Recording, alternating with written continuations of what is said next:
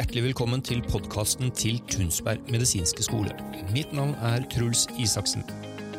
Dette vil være en ukentlig podkast for deg som er opptatt av det samme som oss, nemlig hvordan man i dagens samfunn kan få bedre helse gjennom å gjøre noen små og noen store valg.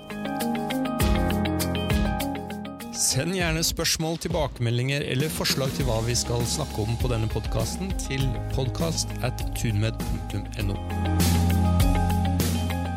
Ja, Jens, eh, velkommen tilbake til eh, Helseprat. Takk skal du ha. Alltid hyggelig å være her på skolen. Tenkte vi skulle snakke litt om uh, dette med blodsukker og insulin. Ja, det er supersentralt, fordi jeg tror det er noe av det veldig mange mennesker sliter med. Eh, hvis vi skal begynne med sånn begrepsavklaringer, eh, hva er egentlig blodsukker? Ja, blodsukker, sånn som vi snakker om det, er mengden glukose du har i blodet. Eh, det interessante er jo at eh, andre sukkertyper kommer ikke med her, f.eks. fruktose er ikke med når du måler blodsukkeret. Mm. Det er bare glukose. Mm. Men hva er det som er så farlig med blodsukker, da? Eller høyt blodsukker. Sukker i blodet er jo ikke farlig, men hvis det blir for mye, så det vel, skaper jo det problemer. Jeg tror det viktigste problemet med sukker i seg selv er eh, glykosylering. Det, enkelt sagt så kan man si at det er en, nærmest en form for karamellisering. Du fester et glukosemolekyl på et stoff som ikke skal ha det, og så endrer du eller ødelegger du selve funksjonen og strukturen. Det vi er borti de aller fleste i en eller annen sammenheng, det er at du er hos legen og måler langtidsblodsukker, som det kalles, HbA1c, som er faktisk glykosylert hemoglobin. Det er hvor mye av hemoglobinet i blodcellene dine er ødelagt av sukker og har ingen funksjon lenger.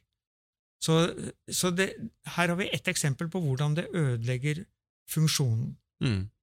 Og skaper problemer på mange forskjellige organer, f.eks.? Ja, når, når, du får glykosylering i organer, så endrer du funksjonen og ødelegger funksjonen. Det er sånn. Mm. Så det, det, er også satt sammenheng med øket oksidativt stress og skader fra frie radikaler. Mm. Du kan si at kroppen ikke ønsker å ha for mye sukker i, i blodet? Ja, det kan du si helt klart at det ikke vil. Eh, og vi har jo eh, i og for seg ganske kraftige virkemidler gjennom insulin som sørger for at eh, blodsukker går ut, fordi at det høye blodsukkeret er veldig skadelig for oss. Vi, vi, kjenner jo også til effekten på hjernen hvis sukkeret er ute av balanse. Hjernen vil gjerne ha helt stabilt sukker, så et høyt blodsukker ødelegger hjernefunksjonen. Da, eh, det, det har med konsentrasjon og det har med med bevissthet og det har, ja, med veldig mange ting som mm. det går ut, utover. Så mye tyder som jeg sa da, på at kroppen ikke er skapt til å håndtere dette her, fordi at vi for uh, 50 eller 100 000 år siden ikke hadde så mye sukker i, tilgjengelig som mat? Ja, det er helt riktig. og Vi, vi vet jo at eh, fra i historisk tid så har jo de kildene til sukker vært veldig få. Det er av vesentlige eh, kilder så er det vel egentlig bare honning. Mm. Mens eh, bær gir jo noe, men for de fleste steder i verden så er jo det en sesongvare. Så det er ikke noe du går og spiser hele tiden. Honning går det jo an å lagre, så, og jeg tror nok at det var et uh, veldig verdsatt næringsmiddel blant våre forfedre. Mm. Men tilgangen har selvfølgelig vært begrenset. Og Et slags bevis på dette her er vel kanskje også at vi kun har ett hormon som jobber med å regulere blodsukkeret ned hvis det blir for høyt, mens vi har mange hormoner som prøver å regulere opp hvis det blir for lavt. Ja, Vi er vel eh, ganske sikre på at matmangel har vært et større problem enn overflod i vår forhistorie, selv om det også selvfølgelig varierer fra sted til sted, men eh, også at uh, mye tyder på at karbohydratinntaket uh, har ikke vært veldig høyt. Akkurat hvor høyt det er vanskelig å si. Det er ikke så mange som var der når dette skjedde, så det er vanskelig å si nøyaktig hva, hva, hva det var. Men vi, man kan jo se på naturfolk, og jeg har jo vært fascinert av Anders Krogh og hans bok med jaguarens kraft fra Amazonas i 2000, hvor han var sammen med en stamme som levde helt eh, avsondret fra vår sivilisasjon.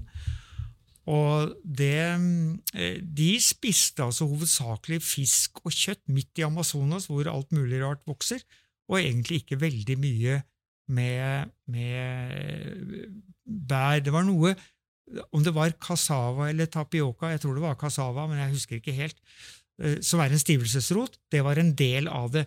Men han klagde faktisk over at maten var nokså ensformig. Og høyt blodsukker over lang tid eh, gjør at kroppen må hele tiden jobbe med å produsere insulin. Og insulin eh, kan vel også ha noen negative konsekvenser i kroppen? Ja, altså både, både høyt blodsukker og høyt insulin er skadelig. Og grunnen til at vi vet det veldig godt, det er jo problemet som de som har dårlig regulert diabetes, får etter hvert, altså langtidsvirkningene. Selv hadde jeg en far som fikk eh, diabetes, insulinavhengig diabetes som 40-åring. Eh, og han, det, Dette her er jo såpass lenge siden at han var insulin av ganske dårlig kvalitet, og han var ikke så veldig flink til å spise fornuftig, for de rådene da den gangen var at det eneste du skulle være forsiktig med, var sukker. Ellers så var det jo da grove kornprodukter og alt dette, og han spiste jo stort sett det, da. Uh, og han fikk, uh, fikk, trøbbel med synet. Han uh, begynte å få trøbbel med sirkulasjonen. Han ga faktisk fra seg sertifikatet, for han følte seg utrygg når han kjørte bil. Og han var altså ikke mer enn da, i begynnelsen av 50-årene da mm. han begynte å få disse symptomene etter ti år på, på sykdommen, og, og, døde etter to slag 55 år gammel. Så, så, jeg har sett på nært hold hva, og hvor fort det gikk da de første symptomene begynte å komme. Mm.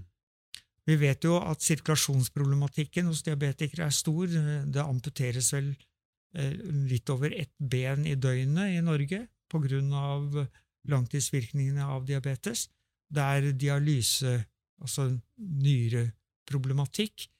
Eh, det er blindhet osv. Så, videre. så det er, det er, veldig mange ting som ligger på dette her. Nå skal jeg være litt forsiktig med å si nøyaktig om det er det høye blodsukkeret eller det høye insulinet, men dårlig regulert diabetes så er det høyt begge to. Mm. Det jeg syns er veldig interessant, er jo at tidligere så het det jo ikke diabetes, men da het det sukkersyke. Ja, det het jo, det het jo sukkersyke. Faren min fikk sukkersyke. Ja.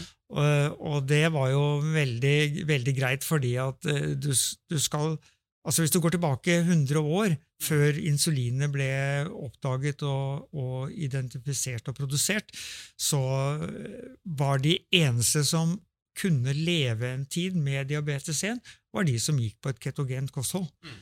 Hvor, hvor, man rett og slett holdt uh, insulinnivået, eller behovet for insulin mm. nede.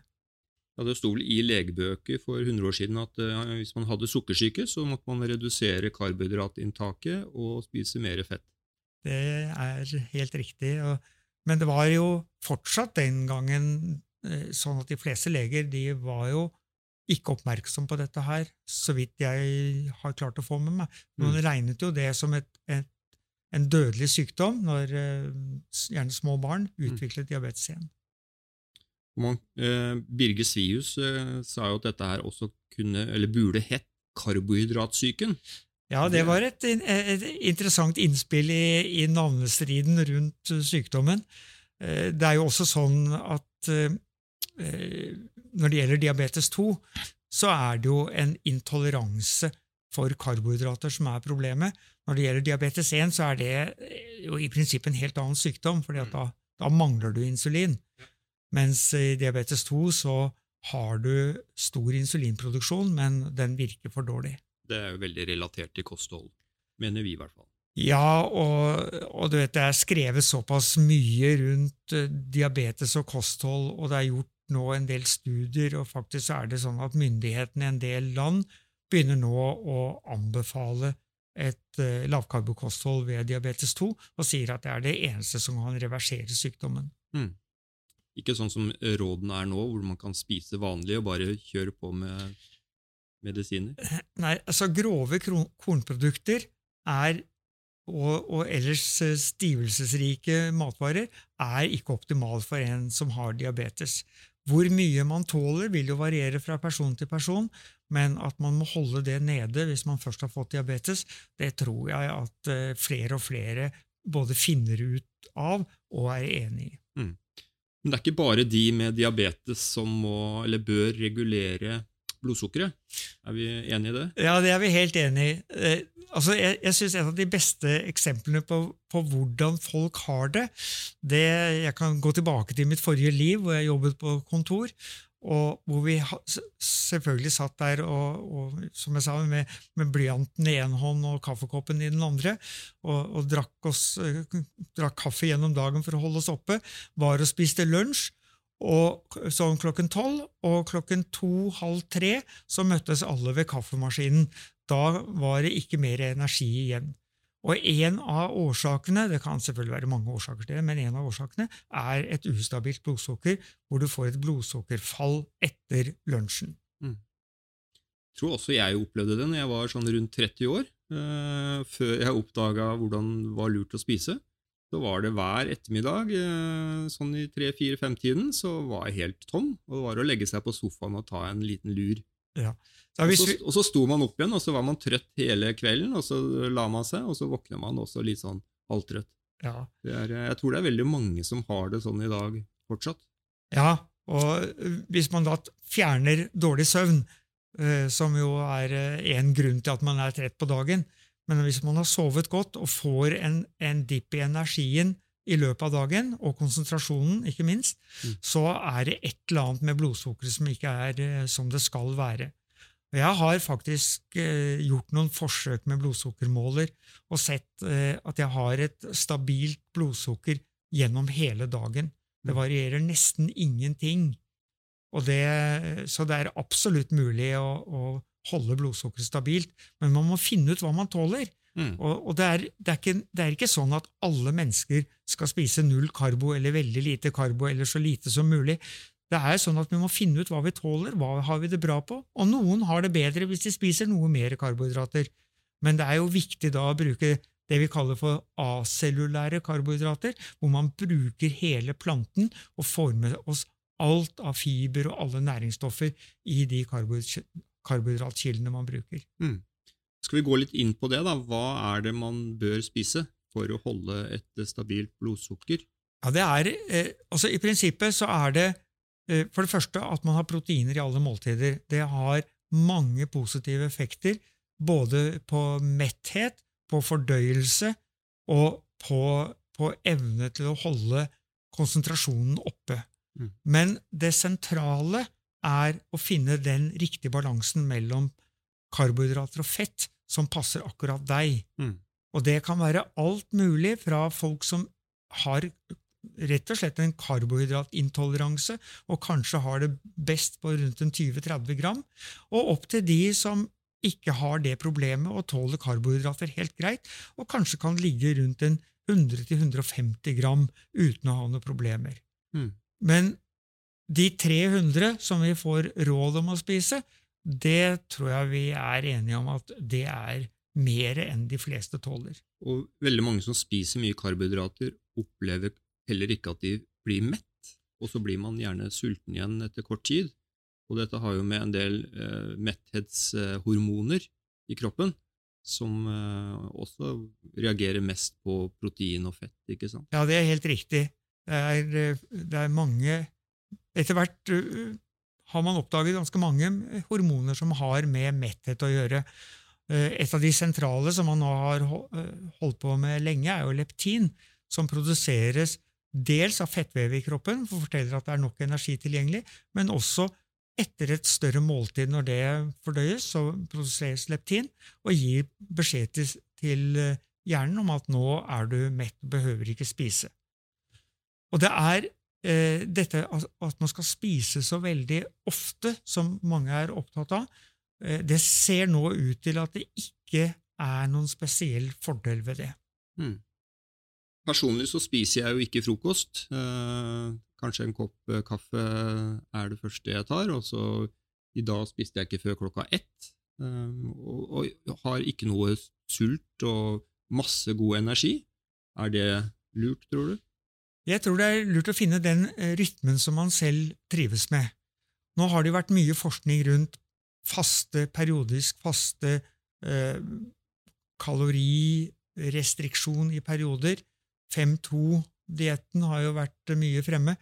Og det ser ut som det å være sulten i seg selv skaper en situasjon i kroppen som er gunstig.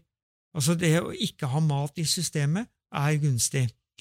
Det, det har med, med reparasjon i, av cellene i kroppen å gjøre, og disse rep reparasjonssignalene ser ut til å stimuleres når man ikke spiser. Vi vet jo at i dyreverden så vil et dyr som blir sykt, slutte å spise inntil det blir friskt, nettopp fordi at da går all energi til reparasjon. Og ved å ikke ha mat i fordøyelsen, så vil denne prosessen sannsynligvis fungere bedre enn om du hele tiden spiser og har mat i systemet. Mm. Så hvis man har små barn, for eksempel, da, som, som, jo noen har, så hvis de er syke og ikke sultne, så skal man kanskje ikke stresse så mye med det, men tenke at det er helt naturlig og en positiv sak. Hvis ikke det går over for lang tid, selvfølgelig. da. Ja, ja da, selvfølgelig. Det er, det er, noen som har prøvd å ikke spise over veldig lang tid. Det går dårlig. Altså. Resultatet der det er negativt. Men, men over en periode på f.eks. En, en uke uten å spise er jo ikke noe problem i det mm. hele tatt for et normalt, velernært menneske.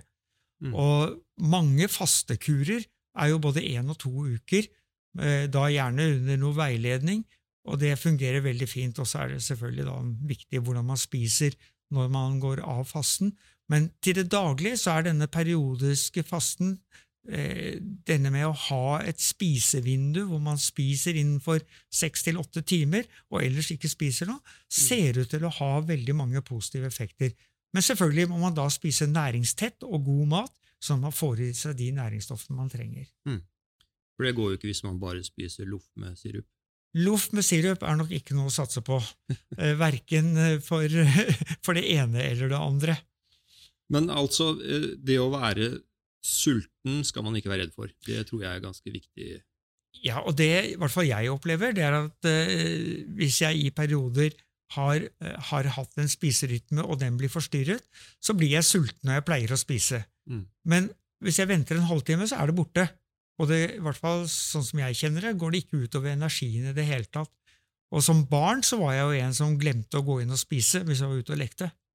Og så et annet eh, kanskje viktig spørsmål. Eh, når bør man spise det største måltidet? Ja, Det er også en interessant diskusjon.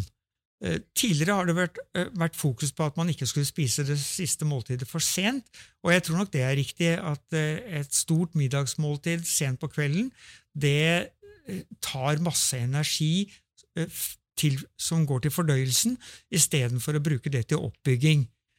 Men uh, Ken Halstensen hadde jo et veldig interessant innspill her når han var her sist, uh, hvor han sa det at det er lurt å sørge for at blodet er fullt av næringsstoffer når du sover, fordi, og særlig den første delen av natten hvor veksthormonet er på det høyeste, hvor du da reparerer. Og Det betyr at kanskje en eller annen gang mellom seks og syv er det optimale for det siste og største måltidet om dagen. Mm. Eh, det er jo også noen som gjennomfører og spiser faktisk bare ett måltid om dagen. Eh, nå har jo det noen sosiale aspekter som kanskje ikke er så lette å følge, men, eh, og om det er noe å anbefale, det skal ikke jeg si, men bare for å vise at det er, det er mange modeller, og det, mm. det, sentrale er jo å finne noe man trives med, for trivsel er viktig. Absolutt. Og så er det kanskje også forskjell på årstidene, føler jeg? Jeg opplever det veldig selv. At på, på, vinteren da vil jeg gjerne ha litt kraftig mat og varm mat, mens eh, jeg får vel knapt noe bedre enn en salat.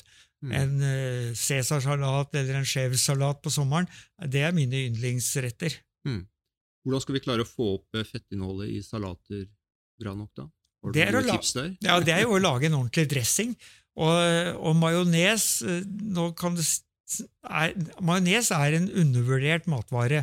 Mm. Men det som er eh, trøbbelet med dagens majones, det er Vi vet ikke helt hva slags olje de er laget på. Men faktisk så prøvde jeg en gang å lage majones på klarnet smør, og det gikk helt utmerket. Og så er det jo MCT-olje selvfølgelig som, som går helt fint å lage på. Mm. Og da kan du få ganske bra med fettmengde. Ellers bruker jeg veldig ofte en sånn fransk dressing med, med sennep og litt eddik og olje. Og da kan du jo nesten få så mye olje du bare vil i en salat. Da bruker du olivenolje, regner jeg med. Da bruker jeg olivenolje. ja. Mm. Kan man bruke oliven ved siden av eller i salaten, og man kan bruke litt fete oster hvis man tåler det. Og, Ja. Avokado, Avokado selvfø- selvfølgelig går an å bruke. Mm. Da kan man jo selvfølgelig stille spørsmålstegn ved miljømessige produksjonen av avokado, men da la nå det ligge nå. Så er det i hvert fall sånn matvare. Veldig ålreit. Og det går jo også an å ha proteinkilder som inneholder fett Mm. i, eh, i en salat. Eh, Du nevnte litt dette med å måle blodsukker også. Det, kan det være noe nyttig for folk som føler at de har et ustabilt blodsukker? Ja, jeg tror det, fordi at eh, blodsukkeret kan forstyrres av så mange ting. Eh, glukose er jo veldig rett frem og greit, og stivelse også. Fordi det er jo egentlig bare kjeder av glukose. At det påvirker blodsukkeret, det bør vi ikke lure på. Men det vi har sett her på, på skolen når vi har hatt blodsukkerforsøkene våre, det er at enkelte får uforklarlige reaksjoner på enkelte matvarer. At blodsukkeret går til himmels på matvarer som egentlig ikke skulle bety noe. Og da mistenker vi at det er en form for intoleranse i bildet. Og så ser vi også at stress påvirker blodsukkeret. Men det å få peiling på hvordan maten du spiser til daglig, påvirker blodsukkeret, det er veldig lurt. En blodsukkermåler koster 100 kroner eller noe sånt nå på apoteket, og så koster de stiksene noe mer.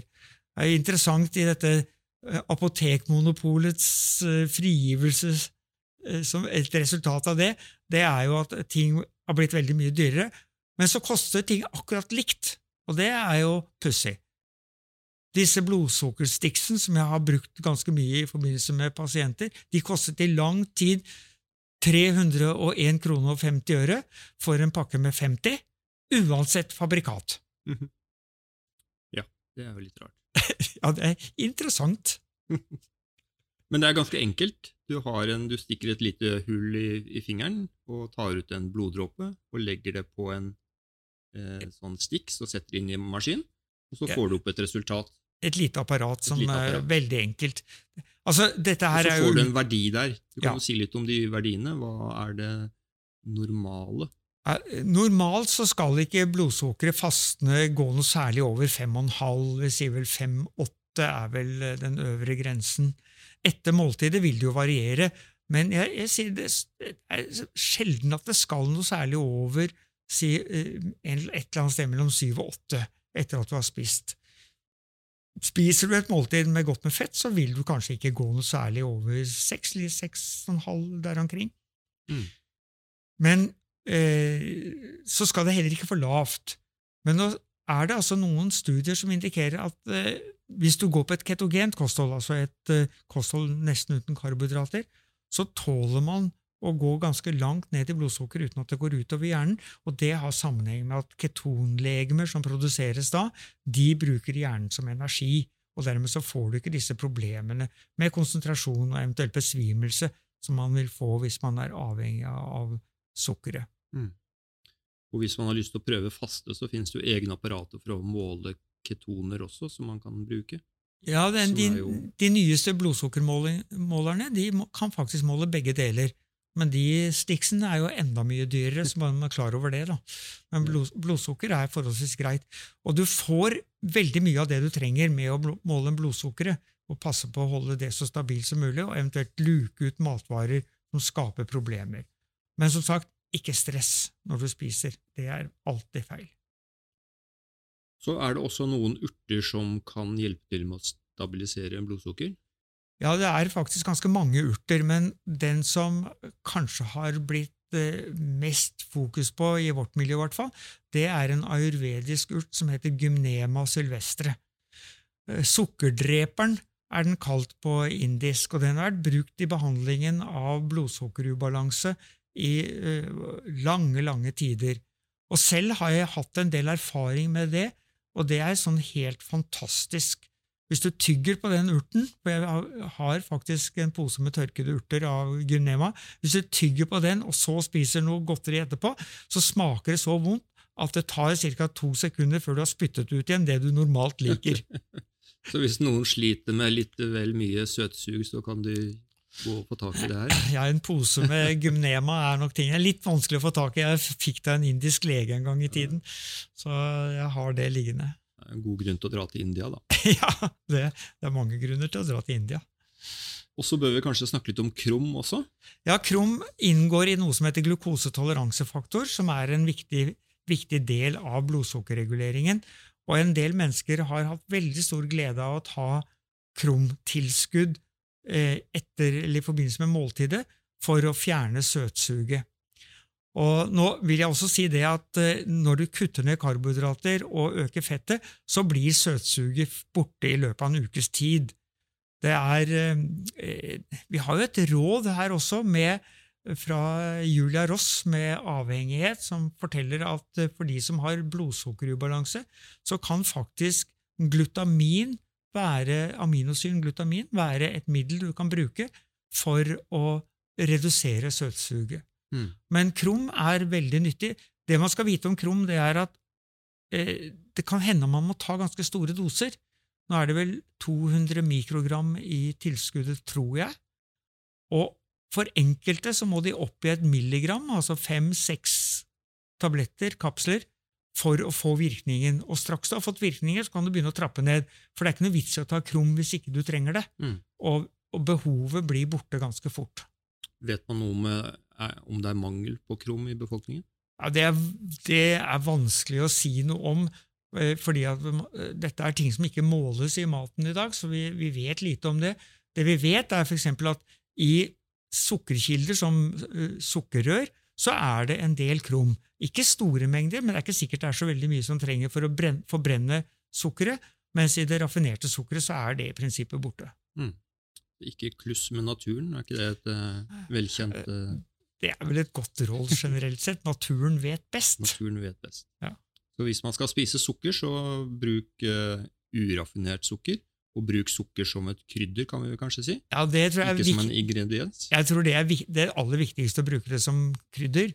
Altså at noe man kan bruke for smakstilsette, ikke for å smake Mm. sukker. Men av og til så gir sukker en, en viss fylde til en matvare, sånn at det, det, enkelte matvarer har glede av en viss sødme. Mm.